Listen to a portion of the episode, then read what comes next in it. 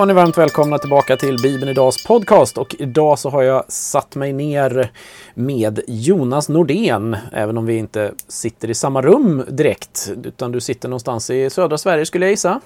Det är helt riktigt. Jag sitter på Betaniakyrkan i Malmö där jag sedan ett par år tillbaka har en prästtjänst. Välkommen till podden! Tack så mycket! Jonas är alltså författare till En guide till Filipperbrevet, nummer 12 i skaran av bibelguider. Vi fortsätter att puttra på med utgivningen. Eh, jag måste ju börja med den här klassiska sportfrågan. Hur känns det? ja, det är en bra fråga. Nej, men det, känns, eh, det känns väldigt roligt att få vara en del av den här eh, serien. Jag känner mig hedrad att ha fått möjlighet att skriva och eh, det känns givetvis väldigt bra att vara i mål. Att vara färdig och ha en, en utgiven bok i sin hand. Ja. ja. Det är många författare i serien som har sagt det, just den där känslan när man får ta upp boken äntligen efter all denna tid. är ja. speciell. ja, det är den. Men absolut. Det är liksom det är inte så ofta ändå i våra yrken som man liksom eh, har en sån här process som så tydligt leder fram till något färdigt resultat. Och det är väldigt eh, tillfredsställande att få göra det in emellan. Men eh, det är ju inte alla som känner dig såklart, även om några av de som lyssnar vet väl vem du är. Men vill du ta resan fram till Betania? Hur, hur hamnade du där?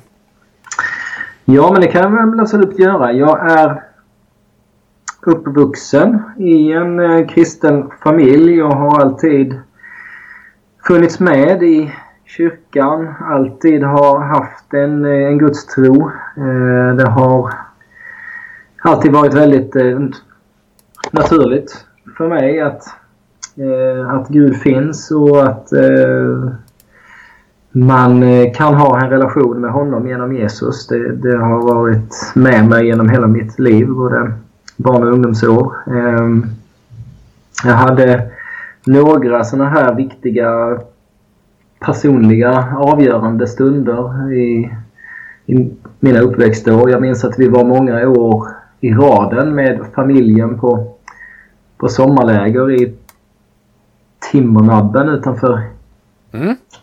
Kalmar. Och det var eh, sådana där några viktiga tillfällen där som eh, när jag fick verkligen uppleva att man tog barn och ungdomars tro på allvar.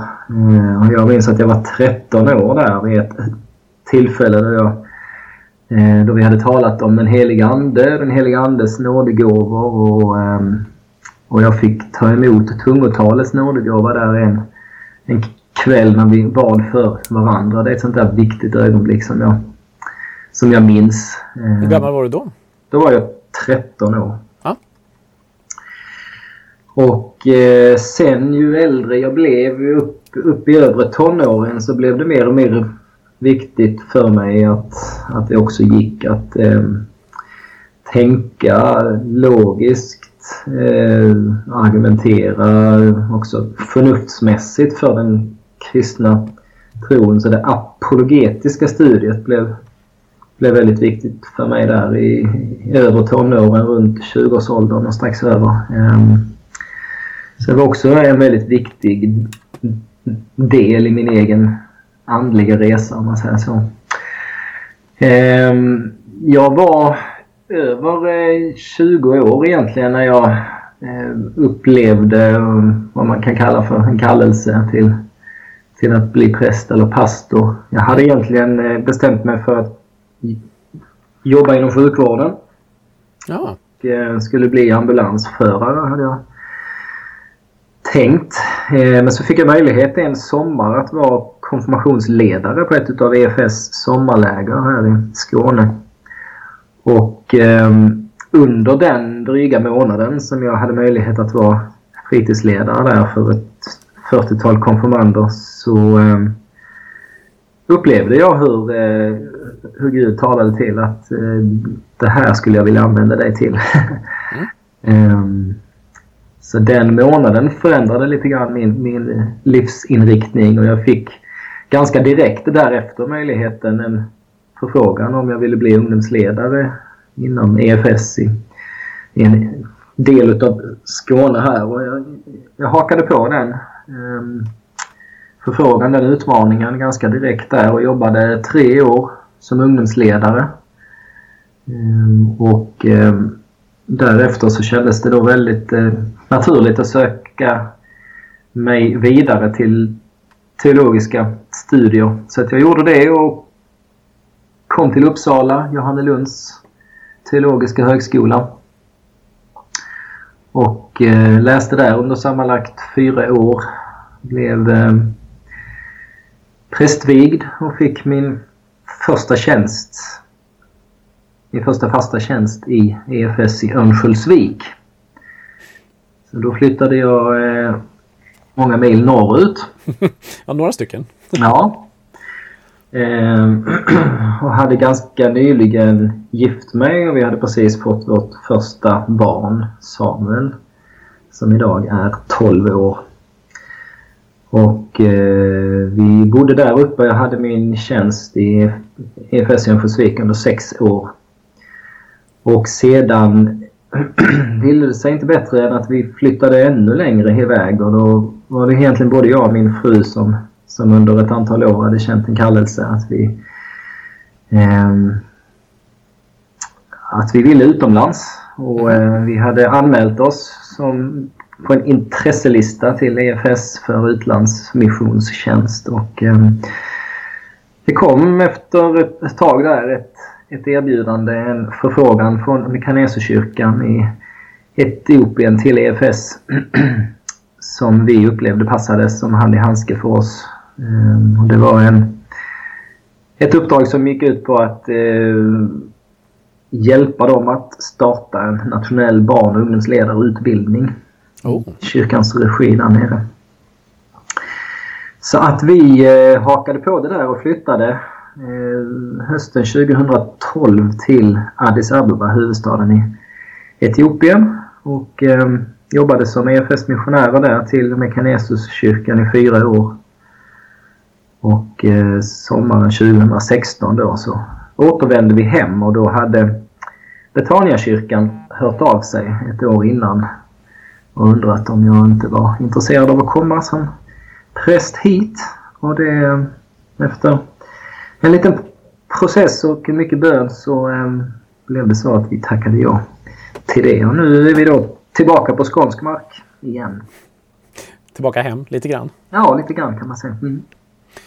Okej, okay. du har alltså fått skriva då en guide till Filipperbrevet eh, och eh, det är faktiskt så att det är en av de mer efterfrågade böckerna i Bibelguide-serien. Inte just din guide till Filipperbrevet utan en guide till Filipperbrevet då för att eh, det verkar vara som att Filipperbrevet har en speciell plats i eh, många kristnas liv och att det är en bok som man vill ha i sin bönegrupp eller sin bibelstudiegrupp att titta på och så har man då frågat när kommer just Filipperbrevet. Har du mm. någon så här, inledande känsla av varför tror du att det kan vara så? Varför frågar man efter just Filipperbrevet?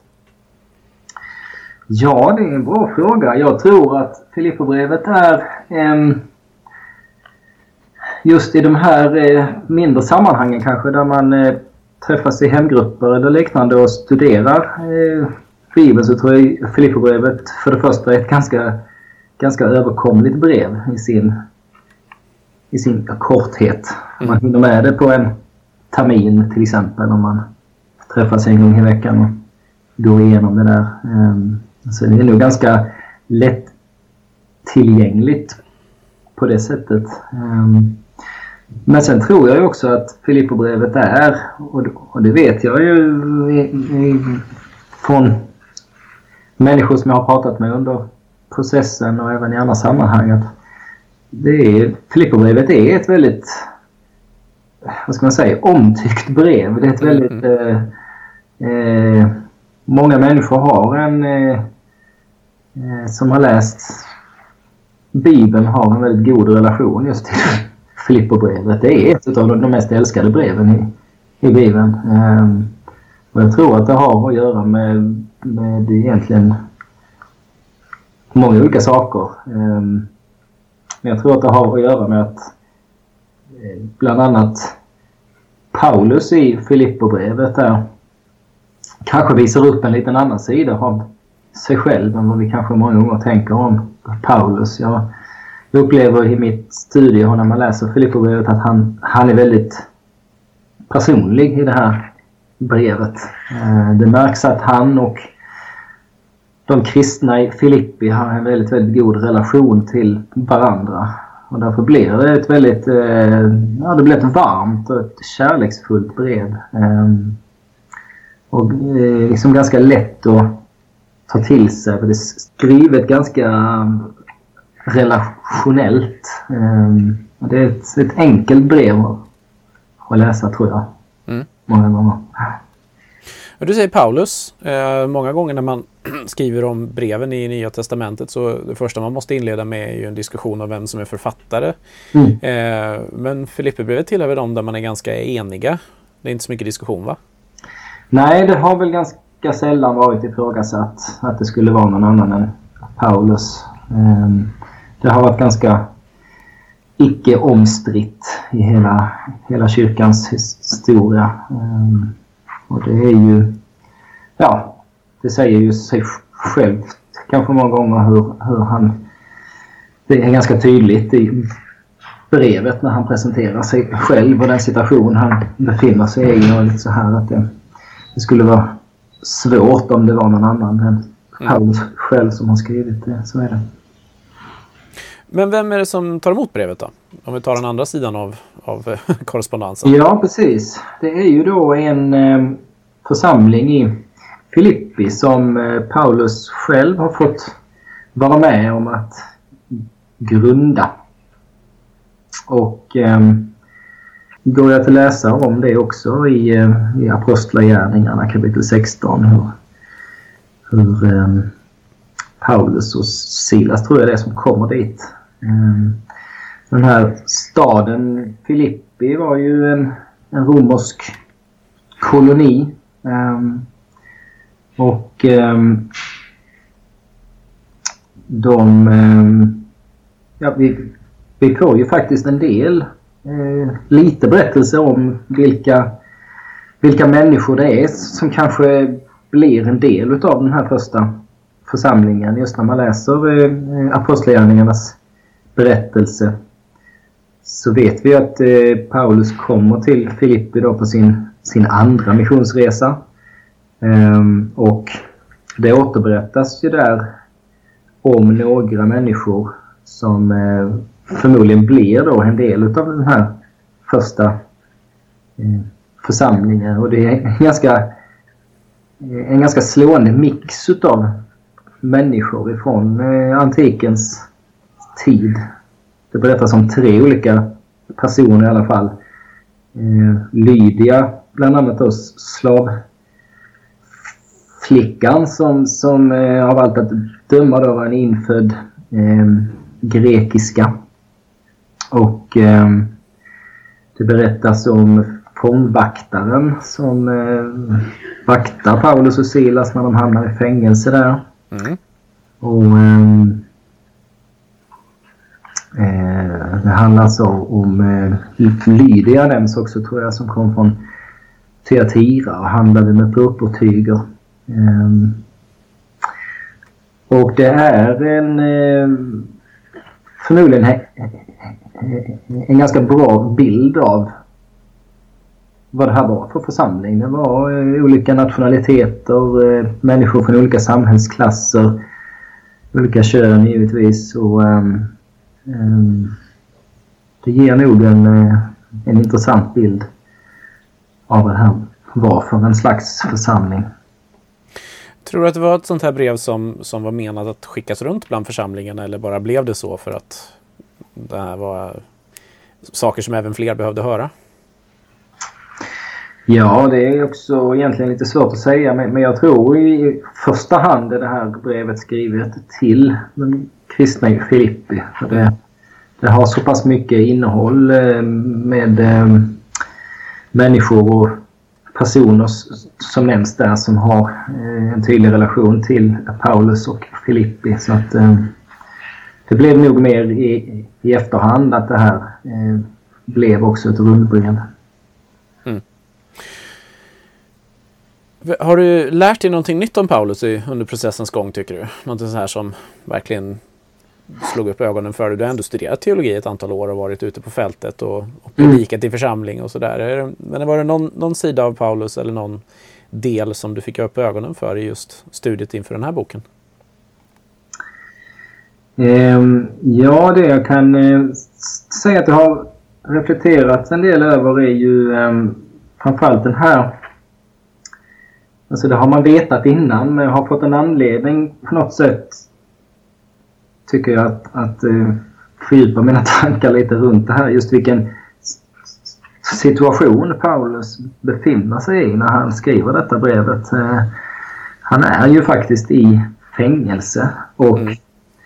han är också uppenbarligen förmodligen ganska nära en, en dödsdom vid detta tillfälle. Um, och um, det är det är anmärkningsvärt tycker jag och det har jag verkligen fått upp ögonen för när jag har jobbat med det här brevet. Det är anmärkningsvärt att han kan mitt i den situationen skriva ett så eh, glädjefyllt och, och uppmuntrande och hoppfullt brev som Filipperbrevet.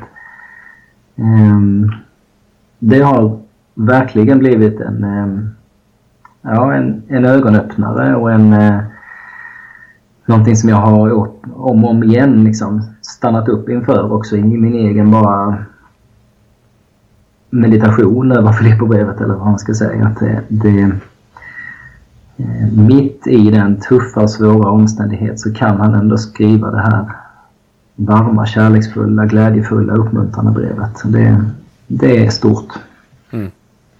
Ja, det, det, kan man lugnt säga. Ja. Eh, det är ju lite känt som glädjens brev ibland. Eh, ja, precis. Men det, det, är just så, tror jag, som många kanske förknippar Filipperbrevet med. Men det, glädjens brev, det, det står mycket om glädje. Mm. Men är det några andra stora teman du skulle säga som, som också finns som en röd tråd genom just det här brevet? Ja, men det tycker jag absolut. Och det är några sådana centrala teman som jag lyfter fram. Förutom glädjen så tycker jag att det, det återkommer hela tiden. Det handlar om, om enhet. Um, det är um, någonting som, som Paulus faktiskt inleder brevet med ganska direkt efter den här lite obligatoriska inledande brevdelen utav ja, välsignelse och tacksamhet och bön för församlingarna så här och en liten kort personlig rapport eh, så kommer en, eh, en sådan uppmaning ganska direkt där i kapitel 1 och vers 27 där Paulus skriver så här. Lev nu bara på ett sätt som är värdigt Kristi evangelium. Och så lite längre fram då att ni står fasta i en och samma anda. Och det där enhetstemat återkommer några gånger genom eh, brevet. Och det är en, en eh, ja, en, förutom glädjen, ett väldigt viktigt eh, centralt tema. Men om man tar de två då. Eh, för nu är det här, det är ju skrivet, det är 2000 år sedan, det är en annan situation. Eh, ja. Paulus sitter fängslad och han skriver till en församling ganska nystartad. Man, eh, eh klart man kan, man kan se likheten med vår tid, men, men ändå. Om vi tar de här två, glädje och enhet. Vad skulle mm. du säga att Paulus utifrån vad vi får lära oss här utmanar oss som individer till idag utifrån de två specifika områdena? Vi kan börja med glädjen. Ja, jag tror att det är då precis som idag så tror jag egentligen att det är samma utmaning. att När det gäller glädjen så, eh, så tänker jag att vi människor vi har så lätt att koppla samman glädjen med eh, saker som, som eh, händer i våra liv här och nu och våra omständigheter. Ehm, våra, våra direkta situationer. Vi ehm, kopplar ofta samman glädje med, med eh, skratt eller att liksom känna oss tillfreds och, och harmoniska. Och, och eh, jag tänker mig att glädjen just som Paulus skriver om den, den är på ett djupare plan på något sätt. Det går att leva med en glädje som kristen även i de mest mörka och svåra och jobbiga situationer. Därför att den glädje som Paulus skriver om är inte i första hand beroende av, av oss eller våra omständigheter utan det är en glädje som hela tiden kopplas till eh, livet i Kristus, livet i Herren. Och det som, eh, det som Herren Jesus har gjort och det som han är för oss och det som han eh, gör och det som han har lovat att han kommer att göra för och med oss. Det är hela tiden det som Paulus kopplar sin, eh, sin uppmaning till att vara glada till. Och där tror jag att det finns en, eh, en utmaning även för oss givetvis. Att vi, eh, att vi kan glädja oss över allt det som Jesus är, över allt det som Jesus har gjort för oss.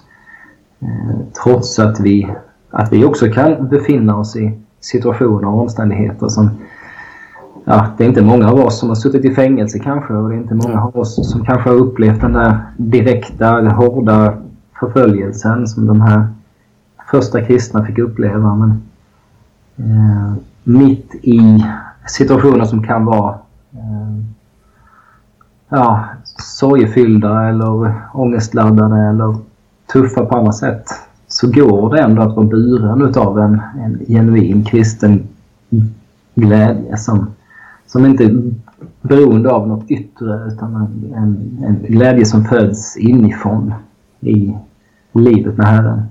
Men du skulle ändå säga att det handlar om, om någon form av glädje som man känner? Eller är det bara ett beslut? Eller hur ser du på det? Ja, jag tror att, att eh, på något sätt är det den, den, den grundläggande glädjen behöver inte alltid vara förknippad med känslor. Mm. Men den kan absolut ta, sin, ta sitt uttryck i känslor. Det, eh, jag tänker många gånger att, att vi kristna, vi ska inte vara för snabba och, och eh, liksom koppla bort våra känslor från, från det kristna livet. De är, de är viktiga och de har sin plats men det är inte det är inte nödvändigt att man måste känna för att bära på den här glädjen. Den går att bära på även utan känslor men den kan absolut ta sitt uttryck i känslor och det är underbart när vi får uppleva det. Mm. Om vi då tar den andra enheten, det andra temat du lyfte, vad skulle du säga att det utmanar oss till idag? Ja, eh, det tänker jag är... Ehm, dels så finns det... Ja, jag talar om det egentligen på två olika sätt. Det första handlar ju då om, som kanske Filipperbrevet mest handlar om, enheten i den lokala församlingen. Ehm, en, en oenighet i en lokal församling, det, det eh, har väldigt lätt att att verka till splittring och söndring och um, det förekommer um, uppmaningarna som Paulus ger i det här brevet är att han, han uppmanar de kristna i Filippi att vara eniga för Herrens skull, skriver han på ett mm. ställe. Att det, um, det kanske avslöjar någonting att den här oenigheten som fanns där, att den var av en sådan karaktär att den liksom riskerade att söndra, splittra församlingen.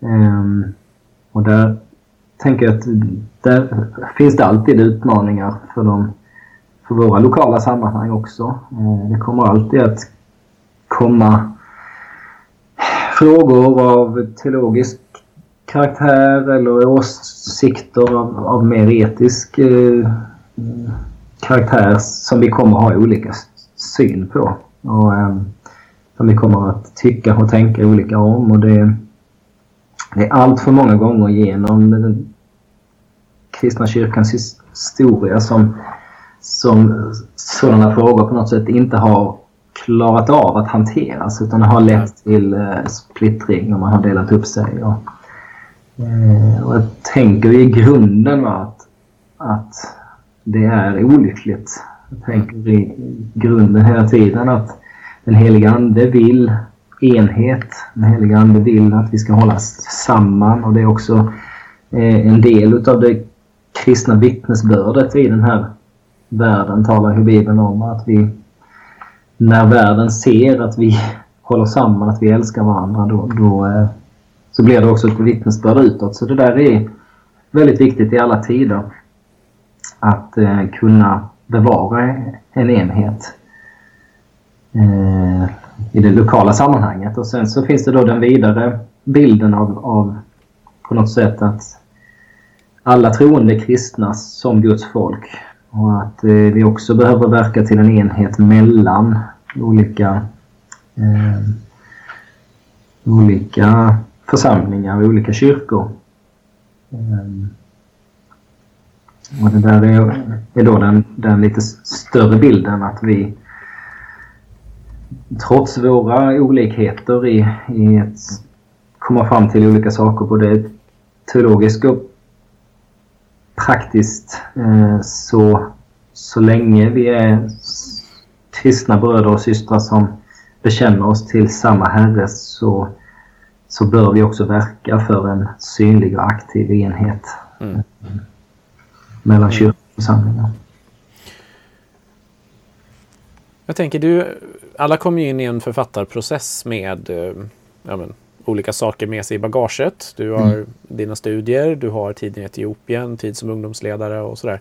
Mm. Eh, jag är särskilt nyfiken på Etiopien. Eh, är det någonting som, när du har suttit i arbetet med boken, som du har tänkt att, ja just det, eh, det ska jag komma ihåg eftersom att du hade din tid i Etiopien. För jag vet ju att kulturmöten och att hamna i helt andra sammanhang ibland gör saker med en.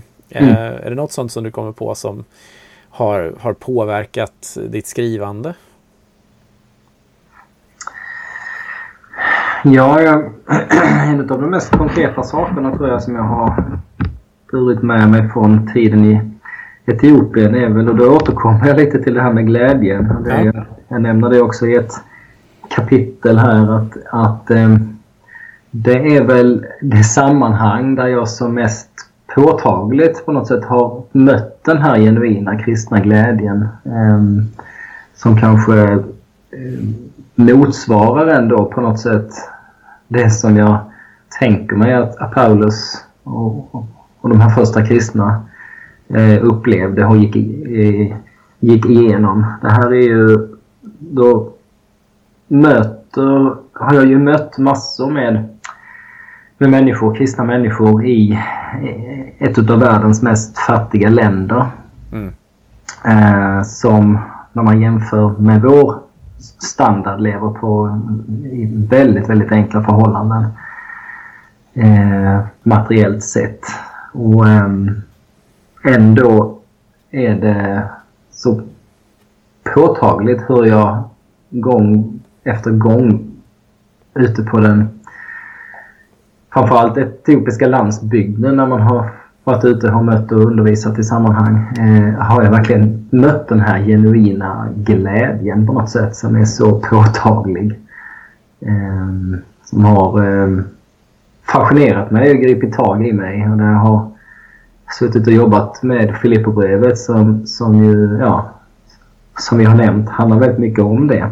Så har det blivit en liksom sån här bild. Hur hur är det möjligt för de här människorna att, att vara så glada under de omständigheter som de lever i?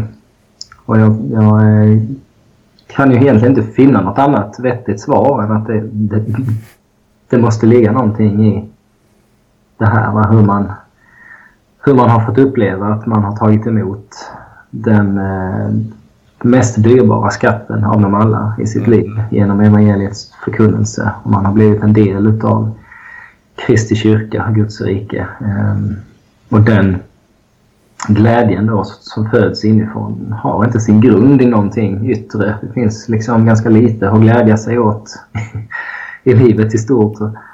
Förutom eh, den här genuina glädjen över att vara frälst och har blivit upptagen i Guds rike och får leva där. Ja, det är mycket påtaglig och stark bild som jag har med mig därifrån. Mm. Mm. Hur tänker du att, att man ska lyckas uh, hjälpa vanliga svenskar, ja, i ditt fall då i Malmö, att, att nå lite närmare det där? För att det är ju någonting som jag många gånger kan tycka jag håller med dig, när man möter eh, framförallt fattiga kristna i andra länder så, så blir det där väldigt påtagligt och så kan man gå på en gudstjänst i, i Sverige och om man inte drar på med, med, med så lovsångsband och annat så händer det inte så mycket. Ja. Och, och, och kyrkfikat kan vara lite sådär halv, halvdäst och ganska formellt och, och sådär. Om man nu målar upp en jämförelsebild åtminstone. Men är, det, är det bara så enkelt att det är olika kulturer eller tror du att det finns delar av den glädjen som du mötte i Etiopien som man skulle behöva försöka upptäcka även i Sverige? Och i så fall hur, skulle du säga? Mm. Ja, det där är väl eh, 10 000 kronors frågan. Ja, lite så. Ja, precis. Ja, det, jag vet inte om jag har något bra svar på det egentligen. Jag har, jag har funderat över, över det en del själv också. Vad det som, vad det är som gör att... Alltså, någonstans måste det ändå handla om, eh, tänker jag, eh, hur mycket eller hur lite de, de, de viktiga existentiella frågorna får utrymme i ett samhälle. Jag tänker mig att vi, vi är ju faktiskt ett utav, eller kanske till och med det land i världen med, med den, eh, den mest välutvecklade välfärden. Och vi har det, vi har det enormt bra eh, materiellt sett ekonomiskt sett. Vi kan gå till eh, affären och vi kan köpa i princip vad vi vill när vi vill det. Eh, och vi har det liksom kläder och skor och materiella saker i vårt hem och allt. Vi, vi har ju en standard som är helt oöverträffad i mm. världen. Och ändå ser vi ju och, och hör och möter att, att människor i vårt samhälle mår inte bra. Nej. Vi har en, en enorm hög självmordsstatistik. Vi har en ökad, utbredd eh, psykisk ohälsa, inte minst bland unga. Och det där... Det finns ju någonstans en... en eh, alltså vi har svårt att få den matematiken att gå ihop. Därför att vi har varit så inriktade på under lång tid en, en materiell och en fysisk eh, utveckling på något sätt. Och en, en, en välfärd som väldigt mycket har talat till eh, ja, en ekonomisk utveckling och en, mm. en välfärd som, som eh, har hjälpt oss att få fantastiska hus att bo i. Va? Men vårt eget hus, om man talar metaforer har vi kanske inte alltid brytt oss lika mycket om. Eh, och den... Jag tror att det är... Eller det jag har mött i till exempel då Etiopien är ju på något sätt det helt omvända perspektivet. Där, där har man väldigt lite utav det materiella och den fysiska välfärden. Eh, men man har man är å andra sidan väldigt, väldigt rik på nära relationer. Ehm, på eh, liksom de, de mjuka frågorna eller värdena i livet på något sätt. Ehm, har varit mycket mer påtagligt nära. Man lever nära människor på ett helt annat sätt än vad vi gör till exempel. Och det där är jag tror ändå att det måste ligga någonting i det. Alltså eh, den, den psykiska och den andliga dimensionen av eh, människans välfärd. Den har vi i västvärlden varit ganska dåligt på att hantera. Mm. Eh, och jag tror att det är det helt enkelt som ger, ger utslag. Och det är såklart att vi som kristen församling också i den här kulturen i den här miljön är, är påverkade och präglade av det. Mm. Vi är eh, mycket bättre på att eh, göra upp eh, planer för verksamhet och budget. Mm.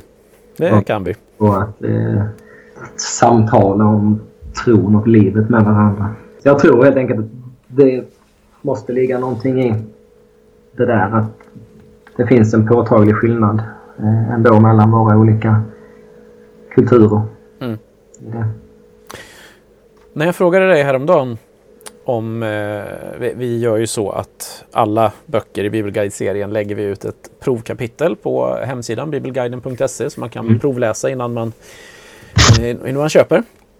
Och eh, då fick jag ganska snabbt svaret från dig när jag frågade vilket kapitel du ville ha. Att du ville ha eh, kapitlet som berör Filipperbrevet 2 och inledningen på Filipperbrevet 2. Mm. Eh, varför valde du just det? Eh, ja, jag valde det därför att eh, det är väl på något sätt ändå Filipperbrevets hjärta skulle jag säga. Eh, de här ehm, fem, sex eller sju beroende på hur man räknade verserna som eh, Paulus eh, skriver om, ehm, om Jesus. Det som har eh, kallats för Kristushymnen. Mm. Ehm, genom åren. Dels är det väl ett utav, ja egentligen hela Bibelns mest kända avsnitt. Ehm, men det är också, tänker jag, eh, verkligen hjärtat i eh, Filipperbrevet. Ehm, och eh, jag tycker att ska man, ska man, eh, ja, ska man ha ett provkapitel så tänker jag att varför inte beröra det som någonstans ändå är det mest eh, centrala. Jag tror att eh, om, om människor eh, läser det och blir, blir eh, nyfiken av att läsa vidare så tror jag att det är ett bra, en bra ingång till Filipperbrevet. Mm. Då ska vi ta och börja gå in för landning. Så jag tänkte avsluta med eh, en sån här nyfiken fråga om Mm. Om vi nu skulle höra av oss igen här om eh, ja, men låt säga två månader när du har fått vara med familjen och firat jul och, och så här. Och, eh, säga, ja men du, vi skulle vilja ha en guide skriven till en bok i Gamla Testamentet. Vad skulle du mm. välja då om du själv fick välja? Oj, man bara välja en. Ja. ja, jag tänkte du skulle få välja en här. Jag skulle få välja en. Ja, vad trevligt. Eh, ja, men då skulle jag nog eh, på rak arm så här utan att ha någon större betänketid så skulle jag nog svara Josua bok. Okej. Okay. Mm. Jag har haft anledning att återkomma och återvända till Josua bok en hel del de senaste åren och eh, ehm, har faktiskt redan lite material eh, nedskrivet om den där. Så det skulle vara eh, en eh, rolig utmaning att få formulera det till en, en, en guidebok för folk. Det är alltid spännande att ställa den här frågan för att man vet aldrig riktigt vad som kommer. Och det är kanske inte den, den bok som eh, de flesta skulle ha på sin topp 10 kanske över Gamla Testamentets böcker. Men det är bra, det behövs författare till allt det där så att får vi se ja, framtiden det, det är väl Josua bok är intressant på det sättet för att det är ganska mycket som, som äger rum i den boken som sen ligger till grund för eh, resten av händelseförloppet. Ja, verkligen. Att, um, ja. Men det finns fler jag skulle kunna tänka mig också. ja, bra. Eh, då har vi för framtiden då. Ja, det är bra. Men då vill vi på Bibeln idag tacka dig så hemskt mycket för, för både din tid nu de här minuterna men också framförallt för all tid du har lagt på att skriva den här guiden. För vi tror ju att det kommer vara till en stor välsignelse för många människor. Så tack så jättemycket. Tack så mycket. Det är också min bön att det ska få bli det, verkligen. Men med det så eh, tackar vi dig för, för det här samtalet och önskar dig all välsignelse i eh, församlingsarbetet nu när ni går in i jultider. Yes, tack för det. Ha det bra. Detsamma. Hej hej. Hej.